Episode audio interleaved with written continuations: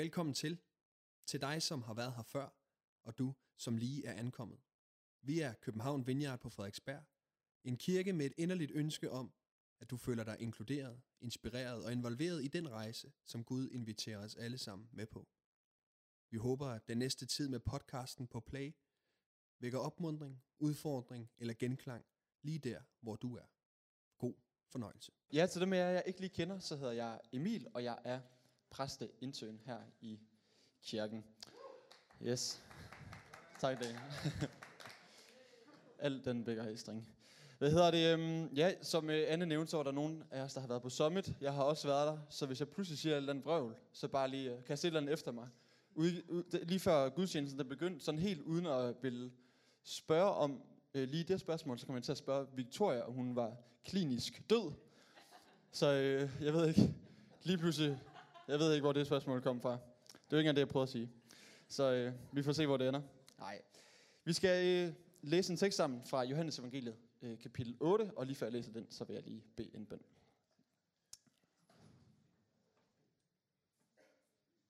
Jesus, jeg takker dig for, at du er her. Jeg beder bare til, at du vil møde os. Du må tale til os. Åbne for vores hjerter for din fred og din frihed. Amen.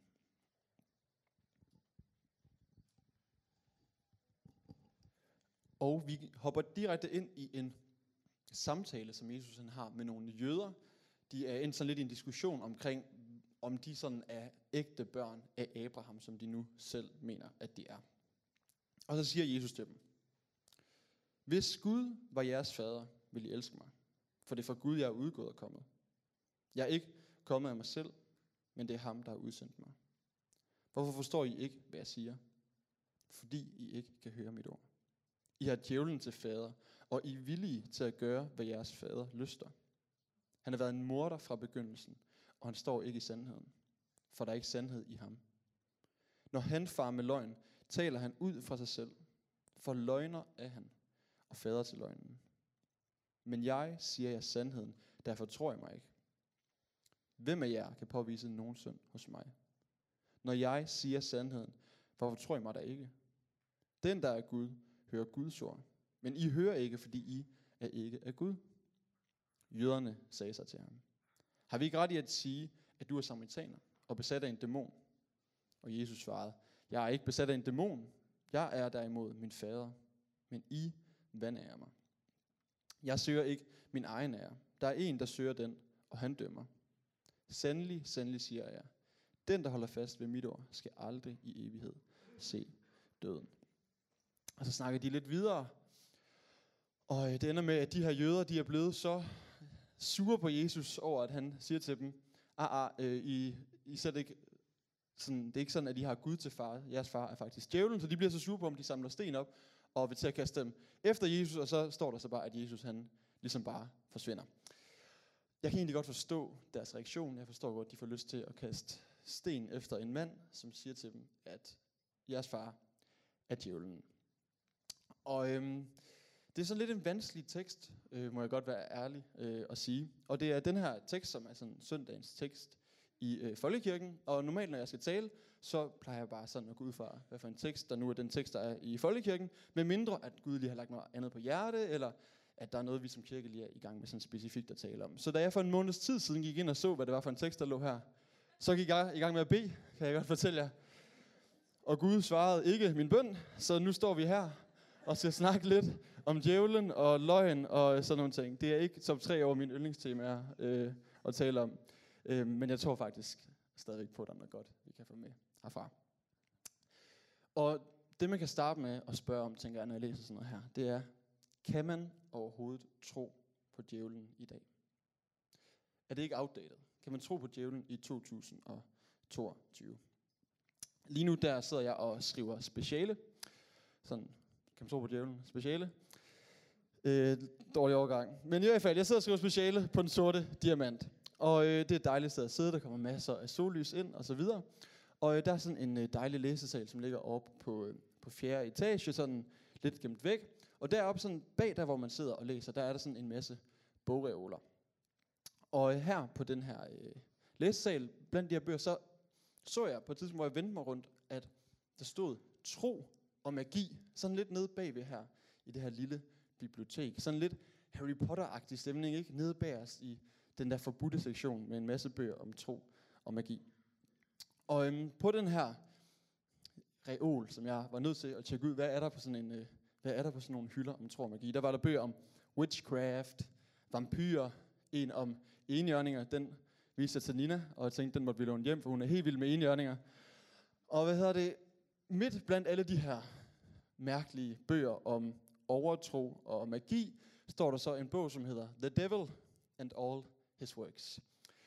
Og der må jeg sige, at jeg blev faktisk lidt øh, ramt, lidt provokeret på en måde. For der sad jeg og var ved at forberede en prædiken om djævlen og alle hans løgne, og så står den der på den her Harry Potter-agtige sektion på biblioteket, og jeg tænkte, hvad er det egentlig for noget, jeg skal til at snakke om? Det kan virke sådan lidt mærkeligt, det med djævlen, det synes jeg selv. Det kan næsten virke som sådan noget, man ikke rigtigt kan tro på den dag i dag. Man kan også stille et andet spørgsmål. Burde vi tro på djævlen? Og øh, der er et citat, som jeg sådan kom til at tænke på, imens jeg forberedte mig. Og det er sådan her. Djævelens største bedrift er at få os til at tro, at han ikke findes. Jeg kunne ikke lige huske, om det var der sagt det, men så var der en der, til formiddagsgudstjenesten, der fortalte mig, at det er fra The Usual Suspects, øh, en øh, rigtig god film faktisk. Djævelens største bedrift er at få få os til at tro, at han ikke findes. C.S. Lewis har sagt noget lignende, og ingen god prædiken uden lidt C.S. Lewis, som man siger. Og han har sagt, øh, han siger sådan i indledning til en bog, som faktisk handler om noget så spændende som dæmoner. Øh, så der siger han sådan, der er to fejl, som vi kan forfalde til, når det kommer til at handle om det her med djævlen. Den ene er, at vi ikke tror, han eksisterer. Den anden fejl, vi kan komme til at begå, det er at komme, komme til at give djævlen en overdrevet og usund opmærksomhed, som man giver ham alt for meget magt. Så han siger, om vi er materialister, der ikke tror på, at der er andet i den her verden, end det vi kan se og måle og veje, eller om vi er magikere, som bare går mega meget op i sådan noget med mørk energi og mørk kraft. Hvad end af de grøfter, man hopper i, så vil han kalde det en grøft, for det er ikke en god vej frem, når det kommer til det med djævlen. Så hvad tror jeg egentlig selv, når jeg sådan tænker over det? Hvad tænker jeg selv omkring det her med djævlen? Jeg tror på, at han findes. Jeg tror på, at han eksisterer, og jeg tror også på, at der findes en ond åndelig kraft, som er til stede her i verden og kan gøre ondt. Og det kan godt være sådan svært at forholde sig til. Men ligesom jeg har tillid til Jesus, når han taler om Gud, tillid til, at han fortæller mig sandheden om, hvem Gud han er, så har jeg også tillid til, når jeg læser sådan en tekst her, at Jesus, han fortæller mig og viser mig sandheden om den åndelige verden. Den verden, som er en del af den her verden. Og så derfor må jeg bare have tillid til, at det her, det rent faktisk eksisterer. At der findes godt og ondt. Der findes Gud, der findes en djævel, som er ren ondskab. Ufortyndet ondskab. Men har jeg så bare lyst til at sige. Men, men, men. Jeg er ikke bange for djævlen. Faktisk overhovedet ikke. Og det har ingen grund til overhovedet at være. Jeg tror på Gud. Jeg tror på, at Helligånden bor i enhver, som er kristen, uanset hvor stærk eller lille en tro vi lige kan finde frem. Og Jesus han siger selv, et hus kan ikke være i splid med sig selv. Har man Helligånden, at djævlen intet gør inden i mig overhovedet. Ingen magt har han inde i mig. Dog tror jeg stadigvæk, at han er til stede i verden, og udefra aktivt kan friste mig, komme med løgn, øh, sige usandheder. Og på den måde har en eller anden form for magt. Samtidig med, at jeg så sad og forberedte mig og tænkte over det her øh, med djævlen, så kom jeg også bare til at tænke på, at det på en eller anden måde måske faktisk er mere relevant end lang tid at tale om det her. Det er i hvert fald meget op lige nu med ondskab, ikke? Vi ser alt det her, der foregår i Ukraine. Og øh, der er virkelig bare nogle ting, der, der foregår som bare ondt. Virkelig, virkelig ondt. Og jeg er ikke ude på at sige, at Putin er djævlen eller sådan nogle ting. Sådan noget skal vi slet ikke øh, ud af den vej. Men nogle gange så kan vi bare se, når der er så ondt, at vi er nødt til at bare sige, det må være noget, det er djævelsk. Altså der må være en eller anden større ond magt, der nærmest kan stå bag det. Jeg har hørt øh, historier om det her med, at der er folk, som flygter ud af Ukraine, og så står der mennesker, som uh, tilbyder dem øh, at komme et andet sted hen, og det er egentlig bare nogen, de så tager med øh, og bruger dem til øh, forskellige former for menneskehandel og slaveri. Når, når jeg hører sådan noget, ikke, jeg kan ikke lade være med at tænke, det der, det er helvede på jord. Ikke? Altså der, der må være et eller andet under, end jeg kan forstå, at, som har formørket nogle mennesker til at gøre sådan. Der findes noget, som er rent ondt. Det er i hvert fald sådan, at jeg kan ikke, det kan ikke komme udenom, når jeg ser den verden, som vi lever i. Ja, det bliver lidt mørkt at snakke om lige pludselig. Øhm, når der er krig, så noget af det, som også ofte følger med, der, det er, at der kommer en masse løgn. En masse forskellige løgne, der bliver fortalt. Og det ser vi også igen i den her krig. For eksempel i Rusland har man lukket ned for alle medier. Jeg har tit hørt folk sige det her i, lige for tiden. I krig er sandhed det første, som falder. På den måde så kan man sige, at vi lever i en form for informationskrig. En kamp om informationer. Og lige her den anden dag læste jeg så en artikel fra Zetland, som handlede netop omkring det her med disinformation. Og det er et ord, der egentlig er opfundet af Josef Stalin, eller folk omkring ham, som øh, ja, russisk desinformatia. Jeg er ikke så god til russisk. Men i hvert fald, øh, det var navnet på en enhed, som var sat i verden for at skulle sprede falsk information med mål om at bedrage befolkningen og påvirke deres holdninger. Der er altså i verden en kamp om sandhed, en kamp om, hvad der er den rigtige fortælling. Og øhm, uden at skulle lave ligheder mellem, hvad der foregår i Ukraine og det, der foregår i mit hjerte eller i mit liv, så tror jeg bare stadigvæk, at jeg kan sige, at der findes også hos mig i mit liv en informationskamp. En kamp om, hvad der egentlig er sandheden. Det tror jeg faktisk, vi alle sammen kan genkende til. Der findes en kamp om, hvad der er sandt, hvad der er rigtigt og hvad der er forkert. Ja, tilbage til det, som Jesus han taler om. Han siger, at djævlen er en løgner. Det er det, han primært gør. Han er, hvad siger han? Han siger, at han er fader til løgnen. Djævlen er løgnens fader. Det er jo ikke sådan, at Jesus kom til verden for at vil vise os, at der findes noget ondt i verden. Det er jo ikke det, der var hans mål. Det er, ikke, det er ikke det, som det hele handler om. Han kom for at vise os, hvem Gud han er. Og det er derfor, at det faktisk er et vigtigt tema. Fordi de jøder, som Jesus han taler med, de har faktisk misforstået noget. Jesus han vil faktisk ikke fordømme dem, han vil hjælpe dem med at få sat noget på plads. Han prøver at vise dem, den, sådan som I tænker om Gud, stemmer ikke overens med den Gud, som Jesus han er sendt fra. Den Gud, som Jesus han ønsker, at vi skal kende, som han er kommet for at vise os, hvem er. Den Gud, som er kærlighed, den Gud, som er frihedens Gud. Det er det, der er Jesu ærne, også når han tager sådan noget her op, at vi må leve i friheden fra Gud, at vi må se, at Gud er trofast, at han er en god Gud. Og Jesus vil ikke tillade, at der er løgne, som får lov at lede os væk fra det. Usandheder, som leder os væk fra den frihed. Når at øh, Jesus han taler om det her med at være fader øh, til løgnen, så er det helt sikkert en henvisning tilbage til Edens have.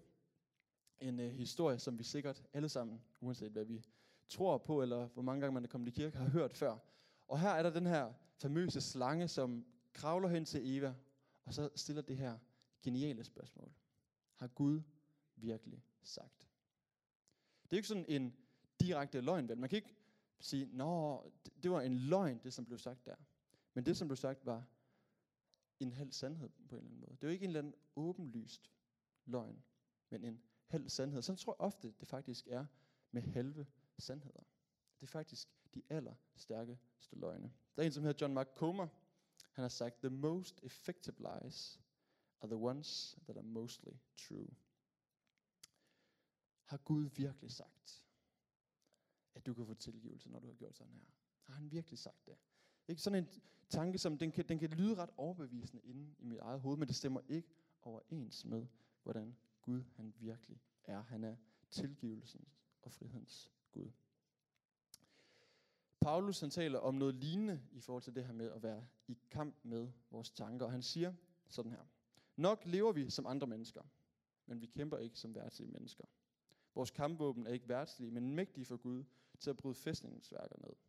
Vi nedbryder tankebygninger, og alt som trodsigt rejser sig mod kundskaben om Gud. Vi gør enhver tanke til en lydig fange hos Kristus. Og det her ord her, som står tankebygninger. Det græske ord, det er logismøj, og det kan man oversætte sådan med tanker, tankebygninger, men det kan også betyde indre narrativer eller tankemønstre. De fortællinger, som vi nu engang går og fortæller os selv, de fortællinger, som vi lever ud fra.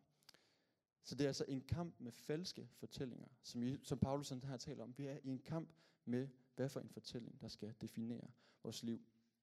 Og jeg er hverken sociolog eller psykolog, og ved en helt vild masse sådan om det med narrativer. Men alligevel så er der én ting, jeg er ret sikker på, at jeg har ret i. Og det er, at noget af det mest afgørende for os mennesker, det er, hvilke fortællinger vi lever efter. Hvad det er for nogle fortællinger, som ligger som et fundament i vores liv. Jeg så på en artikel for nyligt, øh, skrevet en, der hedder Yuval Noah Harari.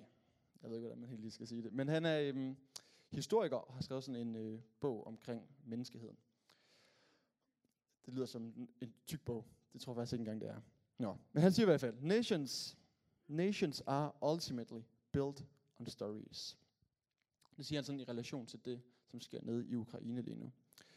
Og så siger han, for hver dag, hvor der kommer nye fortællinger om, hvordan mennesker har stået imod, hvordan mennesker har været modige og kæmpet mod russerne, så gør det noget ved de historier, som de ligesom kan blive fortalt. Og så siger han, in the long run, these stories count for more than tanks.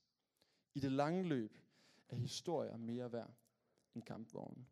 Historier har kraft, fortællinger har en enorm kraft. Og det gælder både kollektivt, og det gælder individuelt, at det er med til at forme identitet. Det kan forme en fælles identitet i en kirke, i en familie.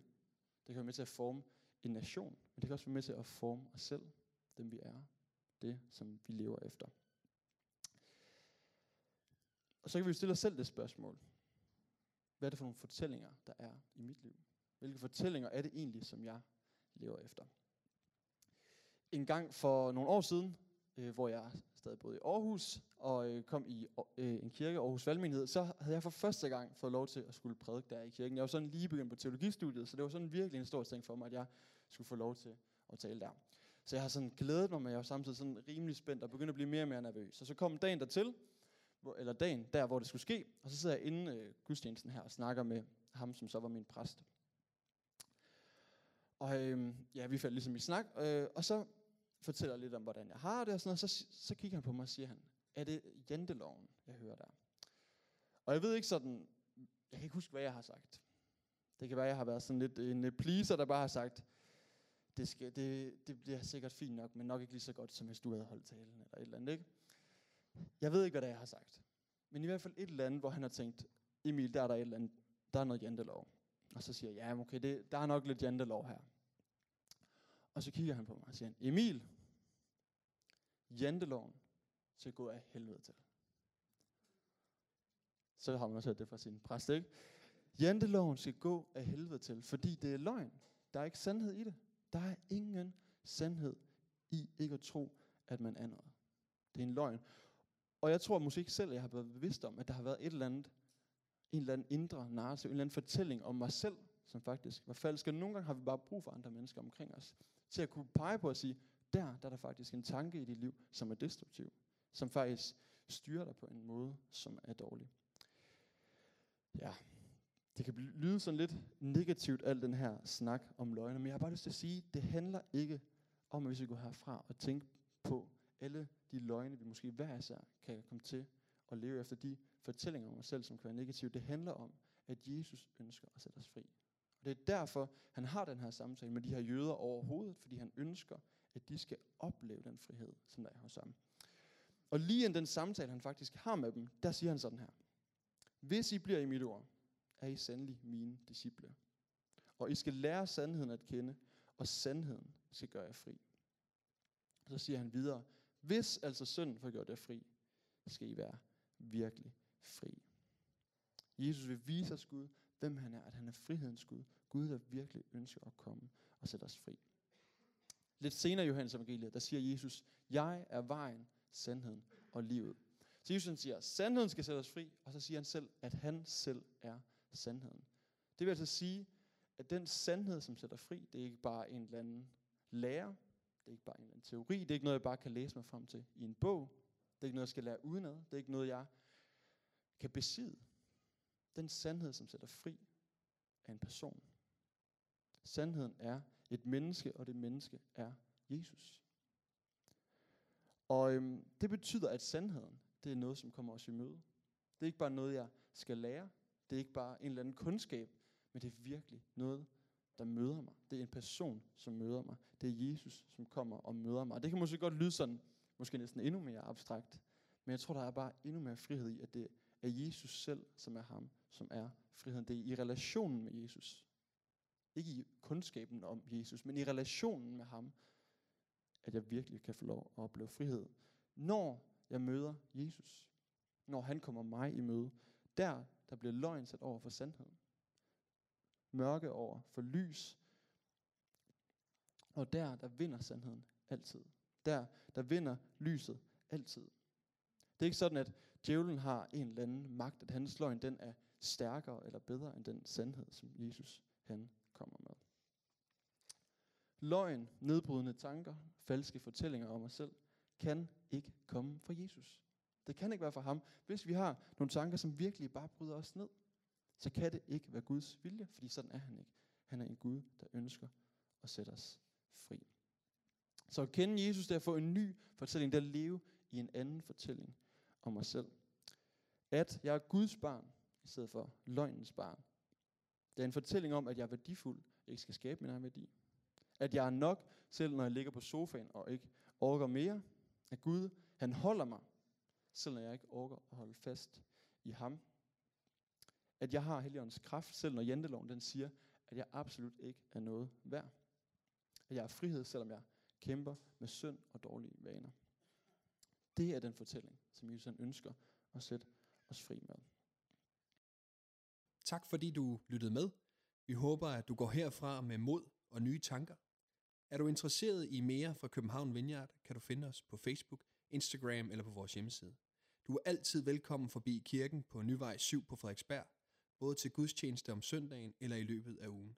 Guds fred og velsignelse til dig.